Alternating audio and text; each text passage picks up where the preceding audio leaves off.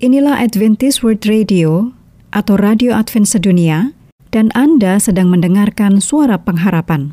Untuk informasi lebih lanjut, silakan menulis email ke Bible at awr.org atau telepon ke WhatsApp di plus 1 224 222 0777.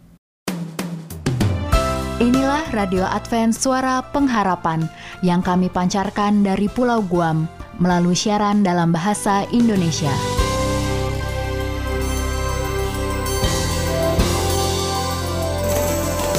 Salam sejahtera kami sampaikan kepada para pendengar kami di mana pun Anda berada.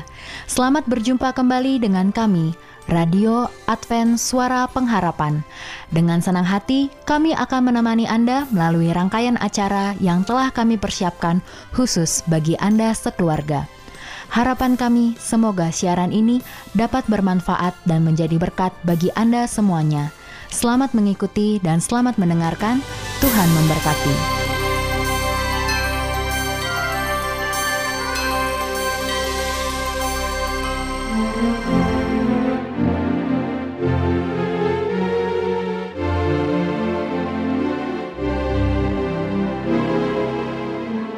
Saudara pendengar yang setia Radio Advent Suara Pengharapan Saat ini tibalah kita di acara kesehatan. Besar harapan kami agar program acara ini boleh menambah pengetahuan kita semua. Karena kita tahu bersama bahwa di dalam tubuh yang sehat terdapat jiwa yang kuat. Namun sebelumnya mari kita mendengarkan lagu pujian yang berikut ini. Selamat mendengarkan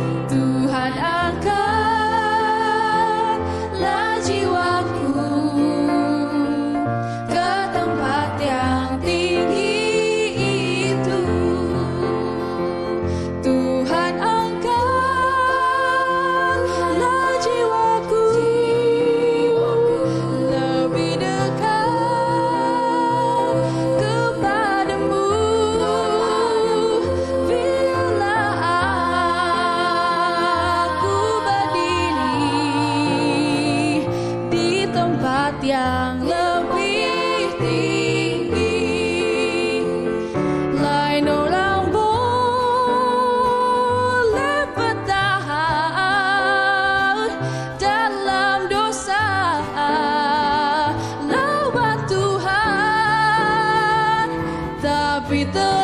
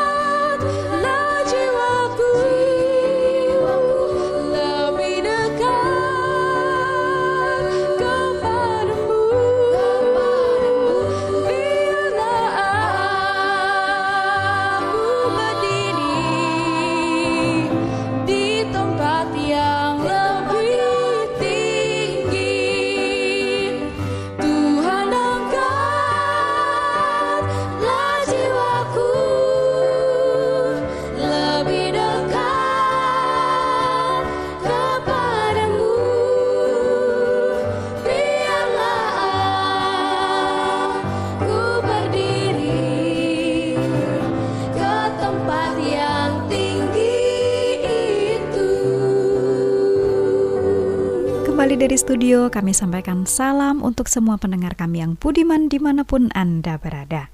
Terpujilah Tuhan untuk waktu yang masih kita miliki untuk kembali bertemu ya lewat udara. Dan saya dengan senang hati akan kembali menemani Anda semua untuk topik bahasan dalam ruang kesehatan. Saya akan uh, melanjutkan sebagaimana yang sudah disampaikan pada pertemuan sebelumnya tentang diabetic food atau salah satu komplikasi dari diabetes. Apa saja sih yang terjadi atau yang merupakan masalah kaki pada penyandang diabetes. Karena setiap orang bisa loh mengalami masalah pada kaki dan harus ada perhatian yang khusus apakah masalah ini dapat mengarah kepada terjadinya infeksi dan apa akibatnya yang lebih serius ya. Contohnya yang sudah kita uh, sebut-sebut sebelumnya adalah amputasi. Nah, mari bersama dengan saya sekarang untuk melihat apa saja masalah masalah kaki pada penyandang diabetes. Yang pertama adalah kalus. Kalus ini merupakan penebalan kulit yang umumnya terjadi di telapak kaki. Jadi di bagian telapak ya para pendengar, kalus itu disebabkan karena gesekan atau tekanan yang berulang-ulang pada daerah yang sama. Jadi distribusi berat tubuhnya itu tidak seimbang ya. Atau sepatunya itu tidak sesuai, kurang cocok, bisa kebesaran, bisa kekecilan atau modelnya memang tidak nyaman di kaki. Atau memang e, individunya ini mengalami kelainan kulit. Kalus itu bisa mengakibatkan kalus ya dan kalus itu bisa berkembang jadi infeksi. Nah, jadi kalau sudah mulai ada yang tebal-tebal di telapak kaki, kita perlu waspada apalagi para penderita diabetes. Yang kedua, kulit melepuh. Ini khususnya terjadi kalau sepatunya selalu menggesek kaki pada daerah yang sama. Biasanya karena penggunaan sepatu yang kurang pas ya, atau nggak pakai kaos kaki, jadi langsung terjadi gesekan antara sepatu dan kulit. Nah, kulit melepuh ini juga bisa menjadi infeksi. Hal penting untuk menangani kulit melepuh adalah jangan dipecahkan ya, jangan dicoblos kemudian dipecahkan. Karena kalau kulit itu terbuka, maka itu makin makin mudah jadi kayak tidak kayak ada uh, jalan tol ya bebas hambatan bagi bakteri untuk menginvasi atau kemudian masuk ke dalam uh, luka dan itu mengakibatkan hal lebih buruk ya. Jadi untuk kalus dan kulit melepuh ini dua-duanya bisa mengakibatkan infeksi. Nah, masalah yang berikutnya adalah kuku kakinya tumbuh ke dalam. Itu terjadi ketika ujung kuku tumbuh ke dalam kulit lalu menimbulkan tekanan yang dapat merobek kulit sehingga kulit itu menjadi kemerahan dan infeksi. Nah, kuku kaki yang tumbuh ke dalam dapat terjadi jika Anda memotong kuku sampai ke ujungnya. Dapat pula disebabkan pakai sepatu yang terlalu ketat atau ada cedera pada kaki karena aktivitas seperti berlari dan aerobik. Jadi, sebetulnya mudah saja ya kalau kuku ujung kuku kaki kita kasar, Jangan digunting sampai ujungnya, mendingan dikikir untuk meratakannya. Nah, baik. Yang berikutnya adalah pembengkakan ibu jari. Jadi jempol kaki ini bisa bengkak. Umumnya terjadi kalau ibu jari kakinya tuh condong ke arah jari di sebelahnya. Jadi menimbulkan kemerahan, rasa sakit, dan infeksi. Dan ini bisa terjadi pada salah satu atau kedua kaki karena ini para wanita ya biasanya penggunaan sepatu berhak tinggi yang ujungnya sempit. Nah, dan pembengkakan ibu jari kaki ini juga bisa mengarah kepada infeksi. Bukan saja infeksi, juga bisa mengakibatkan deformity atau perubahan bentuk, ya. Dan mau tahu mengatasinya bagaimana? Yang paling berhasil adalah dengan operasi atau pembedahan. Nah, masalah berikut dikenal dengan plantar warts. Jadi seperti kutil Kutilnya ini seperti kalus, uh, tapi ada titik hitam kecil di pusatnya. Ini bisa muncul sendiri ya. Bisa juga tunggal hanya satu titik, tapi bisa juga berkelompok. Nah, timbulnya kutil ini biasanya disebabkan oleh virus yang menginfeksi lapisan luar telapak kaki. Nah, ini perlu diwaspadai juga. Lalu masalah berikutnya pada kaki adalah jari kakinya bengkok. Nah, terjadi ketika otot kaki menjadi lemah. Kerusakan saraf karena diabetes itu dapat menyebabkan kekuatan kaki ini berkurang atau mengalami kelemahan ini sehingga jari kakinya jadi bengkoknya. Otot yang lemah dapat menyebabkan tendon. Tendon itu adalah struktur yang menghubungkan otot dan tulang ya. Jadi tendon di kaki memendek Jadi jari kakinya jadi bengkok. Nah, ini akan menimbulkan masalah juga dalam berjalan dan kesulitan menemukan sepatu yang tepat. Jadi repot ya untuk pakai sepatu. Tapi bisa juga penyebabnya karena pemakaian sepatu yang terlalu pendek, jadi nggak ada alasnya ya, trepes mungkin ya, trepes. Nah, itu mengakibatkan jari kaki bengkok. Nah, masalah berikutnya adalah kulit kaki kering dan pecah. Biasanya terjadi karena saraf pada kaki udah tidak mendapatkan pesan dari otak ya, karena ada kerusakan saraf atau disebut neuropati diabetik untuk berkeringat. Jadi pesan instruksi untuk berkeringat dari otak itu nggak diterima lagi karena ada kerusakan saraf. Jalurnya putus ya atau rusak. Jadi kulit itu tidak bisa dijaga untuk lembut dan lembab sehingga terjadilah kondisi yang kering dan pecah. Kalau ada pecahan pada kulit kuman itu masuk dengan bebas sehingga ini pun bisa mengakibatkan infeksi. Nah kalau gula darah tinggi kuman itu bisa mendapatkan banyak makanan jadi malah ini akan memperburuk infeksi. Kondisi berikutnya, yang terakhir adalah yang disebut dengan kaki atlet atau athlet's foot. Gangguan ini disebabkan oleh jamur yang menimbulkan rasa gatal, kemerahan, lalu kulit jadi pecah.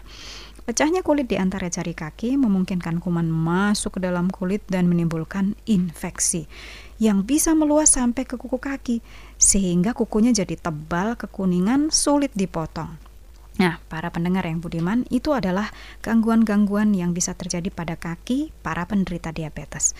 Jadi harus konsultasi dengan dokter kalau ada salah satu dari masalah kaki yang tadi sudah disampaikan. Biasanya sepatu yang didesain khusus bisa dibuat ya supaya memenuhi kebutuhan kaki sekaligus untuk melindungi kesehatan. Tetapi kalau segala hal kelainan ini apalagi yang berpotensi menimbulkan infeksi memang harus di rawat dengan baik. Nah, jadi ini yang bisa kami sampaikan. Pada pertemuan berikutnya, kita akan coba lihat apa sih upaya pencegahan yang bisa kita lakukan. Tadi kan sudah disampaikan gejala-gejala atau apa saja jenis kelainan yang terjadi. Nah, terima kasih untuk perhatian Anda. Sampai bertemu pada waktu dan kesempatan berikutnya. Tuhan memberkati kita semua.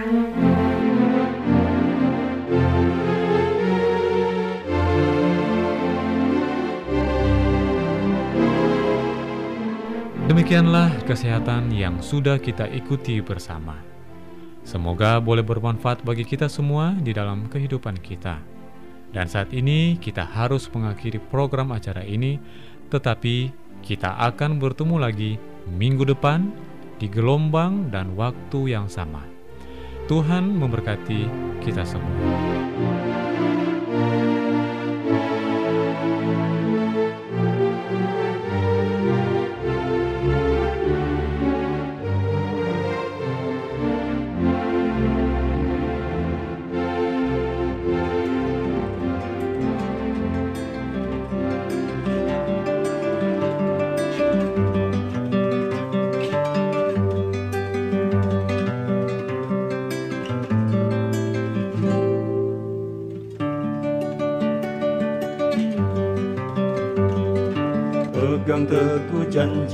Kristus Rajaku.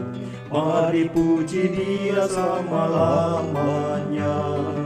Bukan nyanyi puji kemuliaanmu.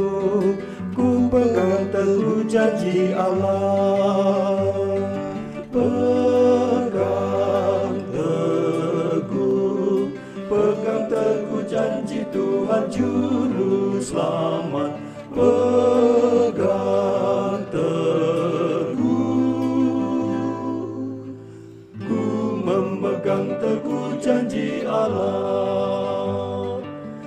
pegang teguh janji nyatakan gagal bila badai keraguan menerpa ku menang oleh firman-Nya yang kekal.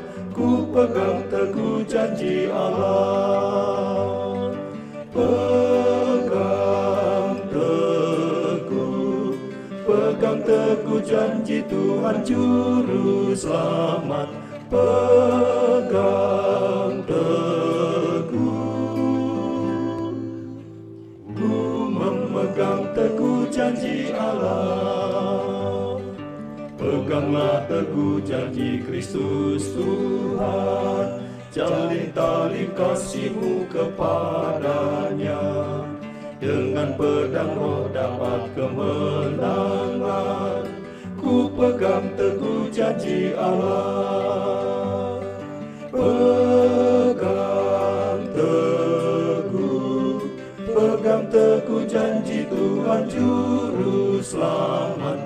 Pegang teguh, ku memegang teguh janji Allah. Selanjutnya, marilah kita mengikuti mimbar suara pengharapan. Angkatlah diri dan bunyikanlah Yesus mau datang segera. Nyanyi musafir dan pujikanlah Yesus mau datang segera. Datang segera Inilah mimbar suara pengharapan dengan topik pembahasan selalu sehat untuk berkarya. Selamat mendengarkan. Bangsa marah itu tandanya Yesus mau datang segera Pengetahuan bertambah-tambah Yesus mau datang segera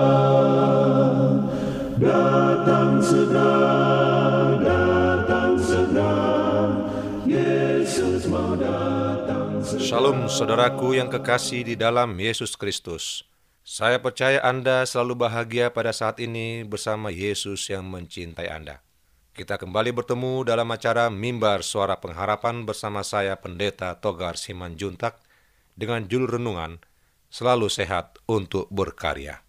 Kita buka 2 Timotius pasal 1 ayat 13. 2 Timotius pasal 1 ayat 13.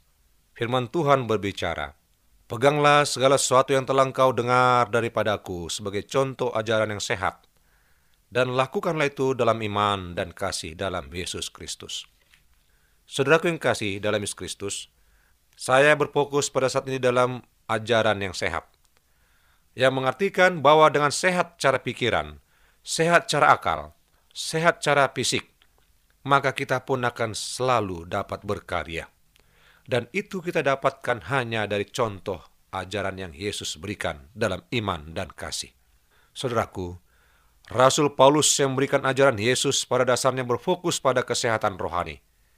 Tetapi bila mengacu pada prinsip kesehatan, maka orang yang sehat rohani secara otomatis dia pun pada umumnya sehat badani. Dan seorang sehat badani tentunya akan dapat menikmati hidup sehat dengan usia panjang. Biasanya rumah jompo selalu dipenuhi orang-orang yang tua yang berusia 70 tahun. Bahkan usia 60 tahun juga sudah ada. Sepertinya sudah ditakdirkan mereka yang usia tua menjadi penghuni rumah jompo dan sakit-sakitan. Dan selalu menggunakan obat-obatan untuk mempertahankan hidup. Tetapi saudaraku bukan suatu hal yang luar biasa jika Anda dapat panjang umur dengan sehat fisik. Kata seorang berusia 91 tahun yang masih aktif berkarya. Seorang yang berusia lanjut dan masih bisa mandiri, aktif secara fisik, dan mempunyai mental yang sehat, kerohanian yang sehat, dan mempunyai prestasi yang sangat luar biasa. Saudaraku, jika Anda memegang segala sesuatu yang telah Anda dengar daripada Yesus, maka Anda pun akan sehat secara rohani dan sehat secara fisik. Demikianlah Charlotte yang memperhatikan dan mengikuti akan petunjuk-petunjuk kesehatan yang diberikan oleh Alkitab. Dia telah berhasil memecahkan rekor dalam usia tua berkeliling negerinya naik sepeda. Kesaksiannya ialah, semakin dekat kita hidup kepada hukum alam, semakin kita rasakan dan semakin lama kita bertahan hidup dengan sehat. Apa yang disebut dengan hukum alam itu? Ada rahasia yang pasti disebut fresh start, yang memberikan nasihat terperinci untuk menikmati hidup sehat, yaitu udara yang segar. Anda boleh dapatkan itu di taman-taman ataupun pada pagi hari di mana banyak tanaman ataupun tumbuhan. Jangan Anda mengambil udara yang udara segar di terminal ataupun di pasar. Itu bukanlah udara yang sehat, udara sehat segar. Makanya tidak heran saudaraku, banyak orang yang pergi ke puncak gunung pada setiap hari libur agar mendapatkan udara yang segar. Lalu yang kedua, istirahat yang cukup. Janganlah Anda menjadi work alkoholik. Bekerja, bekerja, bekerja terus. Tapi pergunakanlah waktu yang cukup untuk beristirahat bersama keluarga ataupun minimal untuk Anda sendiri. Lalu yang ketiga, lakukan olahraga yang baik. Sederhana jalan kaki ataupun lari-lari kecil pada waktu pagi hari. Di luar ataupun taman. Lalu yang keempat, nikmati sinar matahari pagi sebelum jam 9 ataupun sudah jam 4 sore. Yang kelima, selalu bergembira. Tentu mungkin Anda bertanya, bagaimana saya dapat bergembira pendeta? Jika keuangan saya sangat minim, anak sakit-sakitan, pekerjaan tidak ada. Saudaraku, Anda bergembira bersama Tuhan itu menunjukkan Anda selalu bersuka cita, mensyukuri apa pun yang terjadi. Ingatlah, anak-anak Tuhan tidak akan ada yang kekurangan. Tetapi sering kita mengukur akan kebutuhan kita itu dengan kebutuhan ukuran yang berkelimpahan. Lalu yang keenam, makanan sederhana dan bergizi. Tidak perlu Anda menikmati makan yang berkelebihan, lemak, daging, atau makan di restoran yang mewah. Di rumah juga Anda dapat lakukan itu sederhana dan bergizi. Yang ketujuh, air bersih. Air bersih yang dimaksudnya adalah air yang matang, yang bersih, yang mengandung banyak zat-zat kebutuhan tubuh. Lalu yang kedelapan, bebas minuman keras dan beralkohol. Jangan laku saudaraku, karena itu akan merusak segala jaringan peredaran darah Anda, saraf-saraf tubuh Anda. Yang kesembilan, adakan pemulihan, pertarakan.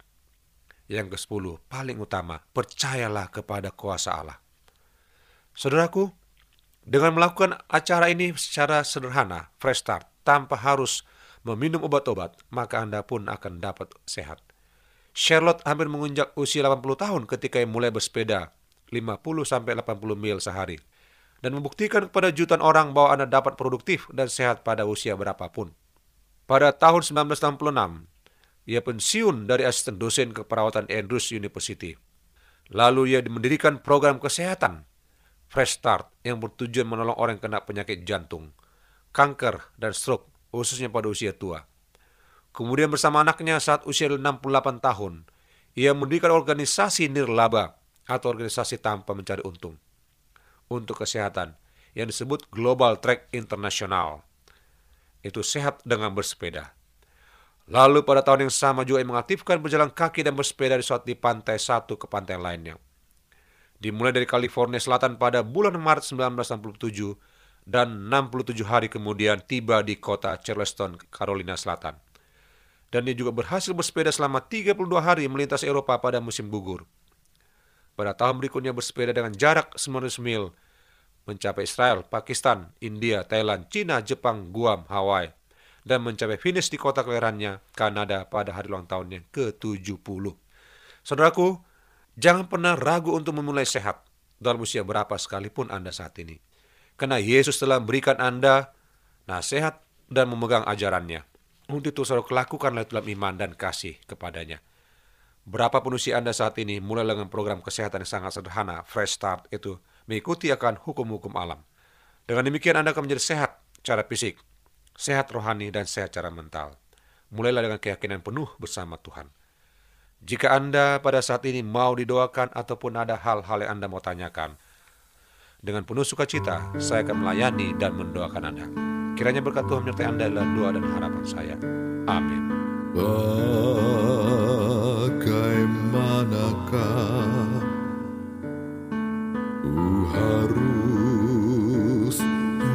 着。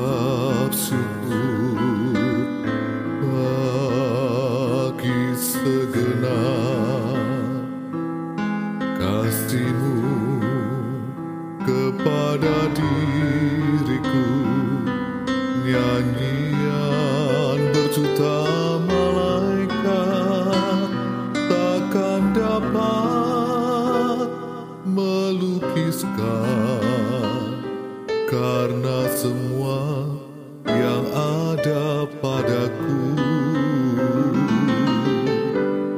ku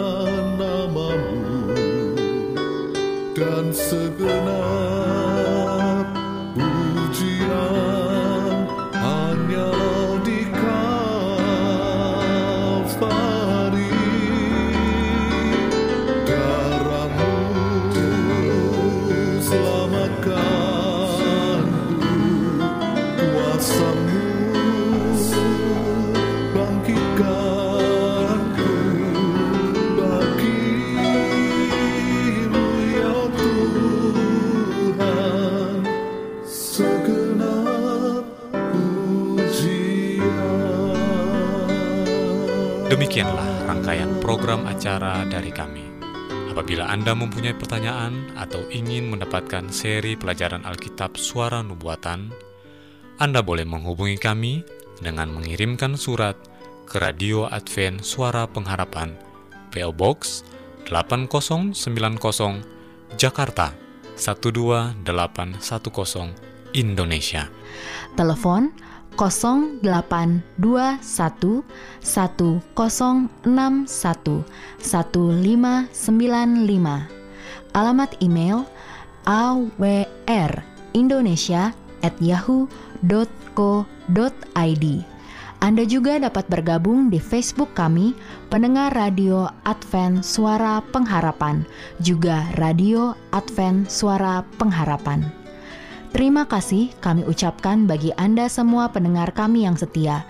Kita akan berjumpa kembali pada waktu dan gelombang yang sama esok hari. Salam kasih dan sejahtera. Tuhan memberkati.